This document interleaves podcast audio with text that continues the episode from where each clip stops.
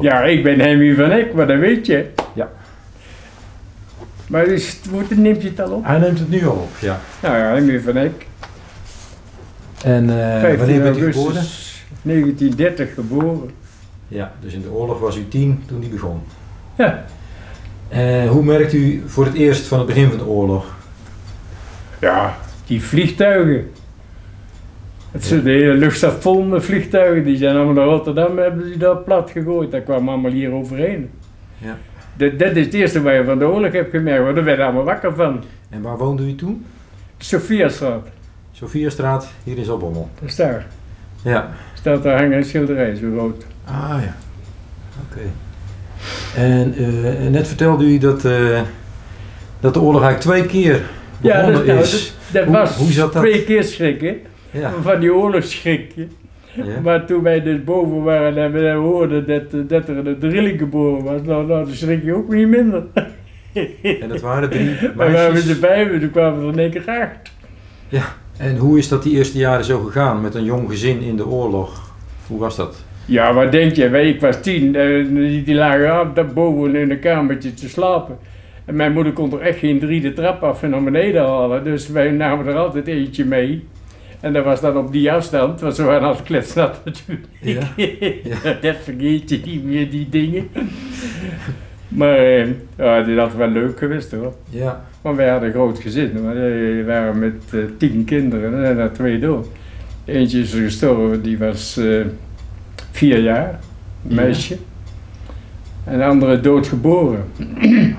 Maar in de oorlog zelf, hebben jullie toen eh, nog goed te eten gehad? Of waren er veel tekorten? Wij hebben nooit niks tekort gekomen. Tenminste, mijn vader had een behoorlijke akker.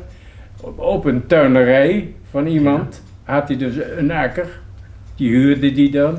En dat was dus aan de overweg, achter het spoor, voorbij het station. Ja. Dat is nou allemaal water geloof ik, maar eh, dat was toen nog tuinbouw.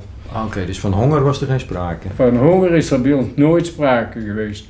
En in de oorlog, toen wij dus terugkwamen van de evacuatietijd, zeg maar, dat was dus in september 44, eh, nou, toen was er geen brood. Toen was er geen brood. Maar ik pikte nog wel eens eentje, dat waren bij, bij Metz waren ze gelegerd in de Koningsstraat, wat nou de Hakenhof is. Ja. En eh, daar waren nog wel eens een brood, nou, die kug, dat was niet lekker, maar dan hadden toch brood. Lekker was een paar eentje gegritst en zo. En, eh, Eh, eh, heeft u zelf ook eh, iets gemerkt van oorlogshandelingen, van beschietingen of dat soort dingen? ja joh, dit laatste half jaar, hier, om de 20 minuten werd er afgeschoten van, van achter de Maas. Maar die waren er al bevrijd. En nou, om de 20 minuten kon de donder op zijn, kwam er een granaat en dat was die brug onder vuur houden. En die lag al zo, Ja, de Waalbrug. Hier de Waalbrug, ja. Ja. En die werd dus continu onder schot gehouden. Ik was met, om maar iets te noemen, ik was met ettensoep wezen halen in de, in de keuken. In de keukenhof, dat was in de Waterstraat in die tijd. Daar hadden we daar, dus hadden, eh, kon iedereen kon daar koffie eh, of, of eh, eh, In ieder geval, ik had een emmer ettensoep op dat moment. En ik loop in de Gasthuisstraat, er was de bioscoop daar nog. En ik hoor dat boem, boem en een fluit. Ik denk, oeh, dat is hier. En ik klop me vallen, die emmer in de goot. En die- hier lag ik en David sloeg die in, in, de, in de bioscoop, boven op het dak. Oh, ja, ja, ja. Dus de, de granaten kwamen ook echt in de stad. Hé? De granaten kwamen Oh, er ook echt zijn in er de stad. verschillende gedoodgeschoten door Ja. granaten. Ja. Want de, de, café wat hier eh, op de hoek staat, van het hoekje zeg maar, Ja. bij de Nieuwstraat daar, de- daar is eh, die van Maren, die is daar ook, stond op de deur, die is daar ook doodgeschoten. En ik kan me ook nog herinneren van eh, Willem, dat was een stottelaar, die, die is het ook dood. Ja, er zijn er verschillende toch wel gevallen hoor, met die, met die rotschieterijen Ja. allemaal. En waren er ook mensen bij die u zelf persoonlijk kende? Ja, wij kenden toen elkaar allemaal, toen was bommen nog geen 5000 mensen. Ah ja. En nou toch wel 13, 14 denk ik, Ja. minstens. En u Dus- zei net iets over de bioscoop, hè? maar eh, ging dat gewoon door in de oorlog? Het, het gewone leven, de, de film? En, nou, dat durf ik niet te zeggen. Want ja, wij waren nog te jong om zelf naar de bioscoop te gaan. Ik weet wel, toen de oorlog afgelopen was, hadden we een vaste plek in die bioscoop. Net onder het balkon, het eerste rijtje, was dan eh, de, de derde rang, maar er zat er mooi achterin. Nee, toen gingen we iedere week. Er was vast een Madoer, had ook een vaste man die er altijd liep, dat was van Riemdijk. Maar ja, dat is allemaal dood, hè. maar dus hebben we jarenlang hebben we nog niet de bioscoop gelopen, maar dat was na de oorlog. Dat was na de oorlog. Maar van eh, in de oorlog kan ik me niet voorstellen, dat, dat konden ze thuis ook niet betalen. Nee. Dat weet eigenlijk niemand, alleen de familie. Het was ook bevrijdingsdag. Ja. Dus ik was 14 jaar. En toen waren wij naar het land geweest, aan de Steenweg op de Spelvert. En daar waren wij vandaan gekomen. En toen zaten, zaten dus die mof. Er zaten zelfs SS'ers. Ja. En Bertus Warman, daar hadden wij mijn vader dan een stuk land van gehuurd. Die had ons, omdat het bevrijdingsdag was, het was 's morgens om uur of negen. En daar had hij ons een oranje bloed, bloes, bloem opgespeld. En wij lopen daar bij Ruswat, daar in de buurt, want daar tegenover zat bijna die bloemhandel. Van de werken, dat weet je wel waar die zit. Ja. Daarnaast zat dan die wijnen. En eh, komt er in één keer een SS'er met een geweer de deur uitgestormd. En die slaat mij van mijn bek. Tanden dwars door het lip heen. Ja, dat is gebeurd. En mijn broer Simon was erbij. Ja. En die, die had alles aan staan kijken. en eh, hij stond echt met, met, met dat ding naar mij gericht. En daar hebben we gewoon afgeschoten. Dat zat er gewoon in. Dat was een SS'er. En er komt er eentje naar buiten gestormd met een paar sterren op. Dus dat zal wel de hoofdman geweest zijn. Ja. En die gaf die vent een opdonder en greep dat geweer. Ik zal dat nooit vergeten. Dat hij riep van... Wij gaan nou ook naar onze kinderen. Of zo, zoiets dergelijks riep hij er toen uit. Dat ik meegewerkt op een vrijdagdag. Zo. En, en waar kwam dat vandaan opeens, die actie van die, eh, van die ene Duitse? Ja, die zag ons lopen met die oranjeknopen. Ja, met die die- oranjebloem. Ja, Dat weer een andere reden hadden we niet. Nee. En dat kon hij niet hebben en eh werd hij Ja, agressief. dat is echt gebeurd. Zo. Ja. Tanden de, de lip ingeslagen. Ik was er heilig van overtuigd dat ik eraan ging hoor. Ja. Ik ben de 14 jaar. Ja. En mijn broer die had er gewoon nuchter best aan kijken. Maar ik was bang. Hij had ook wel spanning natuurlijk. Ja. Maar eh, dat was de bevrijdingsdag. En het ergste heb ik dus wel gevonden dat eh, die bevrijdingsdag, dat die rotmoffen nog drie dagen door hier door de stad liepen met, eh, met de rabbijnen en de geweren op. Hè. Dus na de bevrijding nog. Na de bevrijding hebben ze drie dagen, dat was voor de openbare orde. Aha. Hebben we nog drie dagen hebben hier dus die, eh, die gasten gelopen. Maar het waren ook wel feestdagen, want daar had de BS en daar zaten ook een stelletje bommels bij. En eh, die gingen al die NSB'ers achterna en ze op, opzoeken waar ze zaten. Ja. En die, eh, die gingen allemaal naar het weeshuis, daar bij de kerk. En die moffe meiden noemden wij dan toen, hè. Nou, die werden Jan Vierand allemaal gelijk geschoren als ze binnenkwamen. Ja. Gebeurde in het weeshuis. In dat weeshuis, ja. En toen waren we op, ik weet niet hoe wij daar terecht gekomen zijn, maar we zijn naar de KW-weg gegaan. Dat was toen nog stationsweg, hè, later is die Wilhelminaweg pas geworden, maar dat was allemaal stationsweg. En eh, toen hadden ze bij Jan Welten, dat was een hooi, hooi fourage, ik weet niet, zoiets noemden ze dat. Die verkocht daar dus hooi en eh, toestanden. En daar zaten ze op de zolder, haalden ze er twee af. En dat bleek een vrouw en een man te zijn uit Hedel.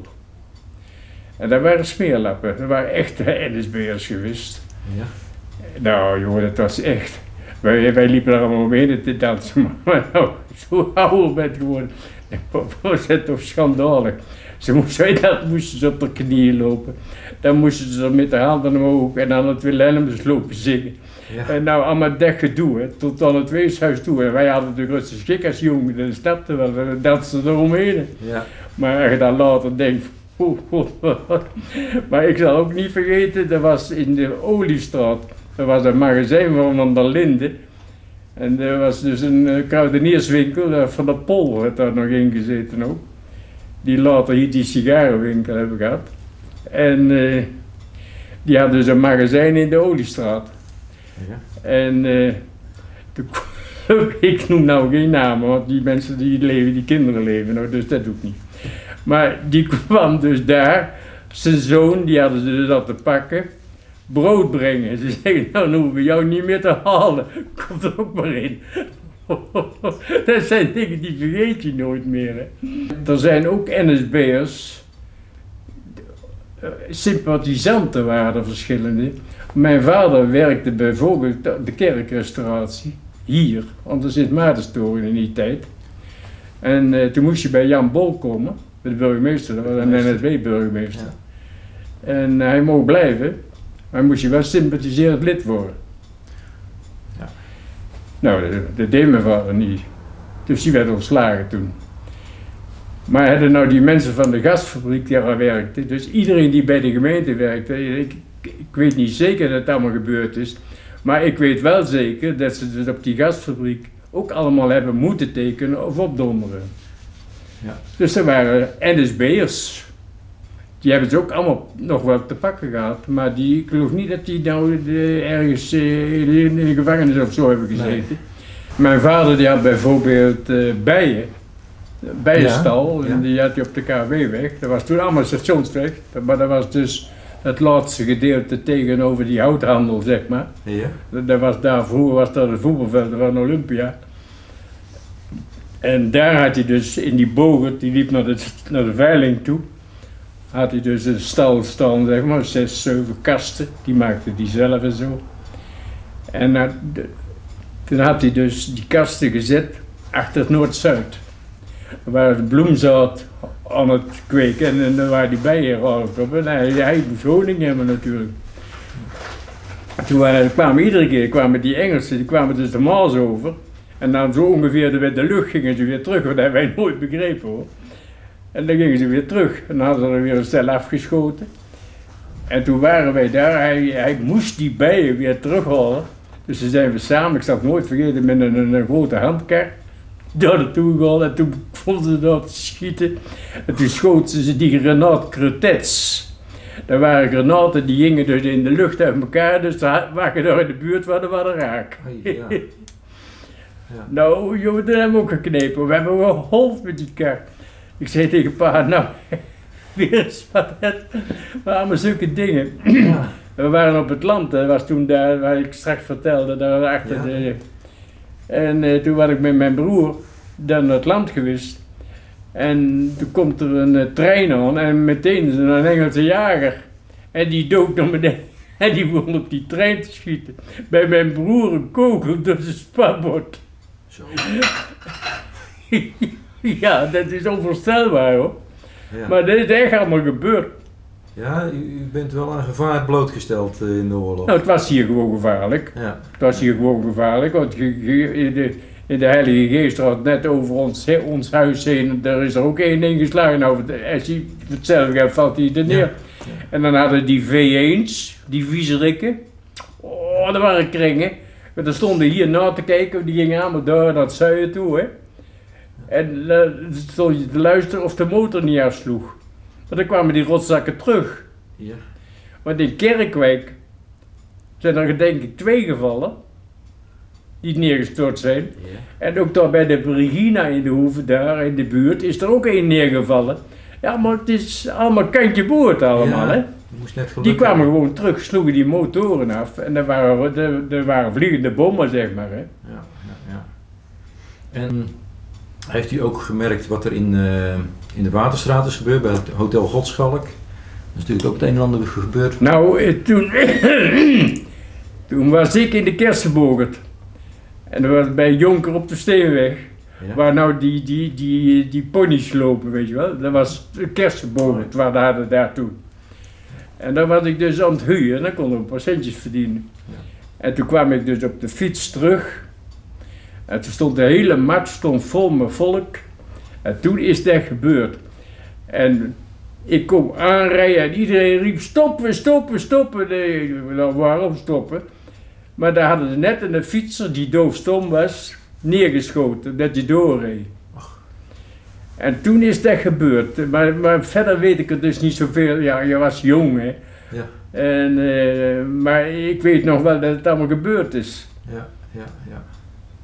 Want u bent natuurlijk na de oorlog eh, heel lang bij de Karel geweest, hè? Nog? Ik ben eerst bij de Terpen geweest. Dat Ja. stond in dat boekje niet goed. Ja. Maar dat hoe boek- was, dat, hoe was het in, in de oorlog? Want was er toen een mogelijkheid om muziek te maken?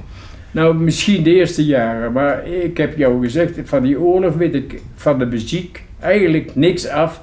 Alleen dat mijn buurman en zijn zoon lid waren van de Karel 1, de police trombone en die zoon klarinet. Dat weet ik dan nog wel.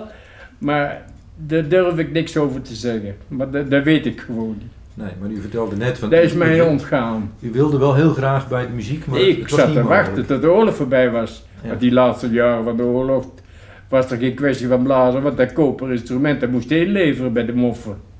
Ja. We moesten kogels gemaakt Er moesten worden. kogels van gemaakt worden. Ja. En die instrumenten die zijn dus allemaal, ja, als jij zelf een eigen instrument had, die je niet aan de moffen geven, die zijn allemaal of in de grond gegaan of in ieder geval allemaal weggestopt geweest. En ik, ik hoorde u ook zeggen eh, van de week, van eh, het Wilhelmus, dat krijg ik niet uit mijn strot. Nee. Hoe komt dat zo? Ja, bij die jongen, ik heb zo'n hekel aan die rotmoffen gekregen in de oorlog. Dat is echt waar zo. Ik heb het misschien wel duizend keer geblazen, daar had ik niks moeite mee. Maar dat zingen dat ik van Duitse bloed ben, Ja. nou dat krijgt bij mij niet door mijn strot nog niet hoor, echt niet. Die burgemeester kwam, was in Zuilikum, ik weet niet meer welke, want we hebben er allemaal zoveel gehad. We waren in Zuilikum en toen kwam hij naar me toe en toen zei hij, Hemmy, dan moeten we eens even vertellen. Hij zei, ik zie jou nooit het Wilhelmus meezingen. Ik zeg, dat zul je ook nooit meemaken. Ik zeg, maar ik heb het wel geblazen straks, hè. Ik zeg, maar zingen? Ik moet zingen dat ik van Duitse bloed ben. En dan moet ik ook nog eer een eh, koning die 80 jaar hier geheerst heeft uit Japan. Ik zeg, eh, Ja. ik krijg dat niet om strot. Eh, in de oorlog, hè, was er toen ook gewoon school? Ging dat gewoon door zoals normaal? Of was er iets anders? Ja, eh, de, op school ging het vrij normaal, behalve dus die laatste tijd. Laat ik zeggen, de tijd van, eh, van die, dat we terug waren van de evacuatie en de periode na de bevrijding toe. Nou, dat was erg, want wij moesten de zesde klas nog doen. En ik zat op de christelijke school. Ja. En dat was meneer Wente. En die zette ons zo neer dat dus de jongens, die, dus waar die zeker van wist dat die allemaal door gingen studeren. En wij arbeiders, jongens, die zaten dus in een bepaalde rij en zo. En wij moesten dan ook nog hout gaan zoeken op de wallen voor de kachel te stoken. Houtjes hakken. En, en de- de- de- toen hebben we ons zo vernederd gevoeld, jongen, dat, dat, dat kunnen wij niet voorstellen. Dat, heb ik nooit, dat zal ik nooit vergeten. Nee. Dat, dat waren zo verschrikkelijke momenten. Ik heb hem een keer op zijn kop geslagen met de plank van de orgel. Zo. Toen liep hij met een, met een rietstok, had hij altijd in zijn hand. En toen deed hij zo en toen sloeg hij in één keer naar ons. En dan stond een heel oud orgeltje en die deksel was los en ik pakte je uit. En ik heb de hele week, maar dat mocht ze thuis ook niet weten. Dus ik heb de hele week op die wal daar gelopen. En de laatste dag kom ik de buurvrouw tegen. Zit ik niet op school. Nou, op die de had- wal gelopen, eh, niet op school ja, op dus? die wal. Ja. Ja, dat mocht ik thuis ook niet weten. Dus ik ging gewoon naar school, maar ik ging de wal op. Maar ik mocht niet komen een week. Oh, ja. Ja, en toen kwam de laatste dag kwam ik de buurvrouw tegen. Ja, die had verteld tegen mijn moeder. En toen? Ah, dat, dat kan ik me niet meer allemaal herinneren, maar het was wel redelijk goed afgelopen. Oké. maar u bent dus geëvacueerd geweest in de laatste jaren van de oorlog. Hoe, hoe was dat? Ja, behelpen. Want ik had het liefste naar de Bruggense Meulen gegaan. Ja.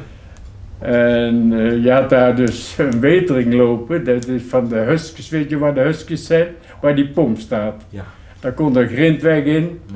En dan helemaal achterin, daar liep er een wetering. En aan deze kant van de wetering, dat was de Bruggense Meulen. En een kilometer verder, aan de andere kant van de sloot, dat was de Bommelse Molen. Ja. En de Bruggense Molen, daar ging ik met mijn vijfde of zesde jaar al op vakantie. De hele vakantie. Ah. En heb ik tot mijn veertiende volgehouden. Ja. Hoe prachtig. En wie woonde Ik- daar ik- dan ik toen? kom- Dat was een, een zuster van mijn moeder. Ah ja. Dat was een boerderij. Ja. Oh joh, daar kon de polstok springen en ik kon, eh, ik kon koeien melken. Dat vond ik allemaal prachtig. Ja. Ja. Eh, En dit is in brand gevlogen door de bliksem. ah ja, want nu staat er nog alleen de onderkant volgens mij. Ja. hè? Ja. Dat is wel jammer hoor. Dat was, dat was echt een mooie... ja. Maar u wilde eigenlijk daar naartoe, maar dat lukte dus niet.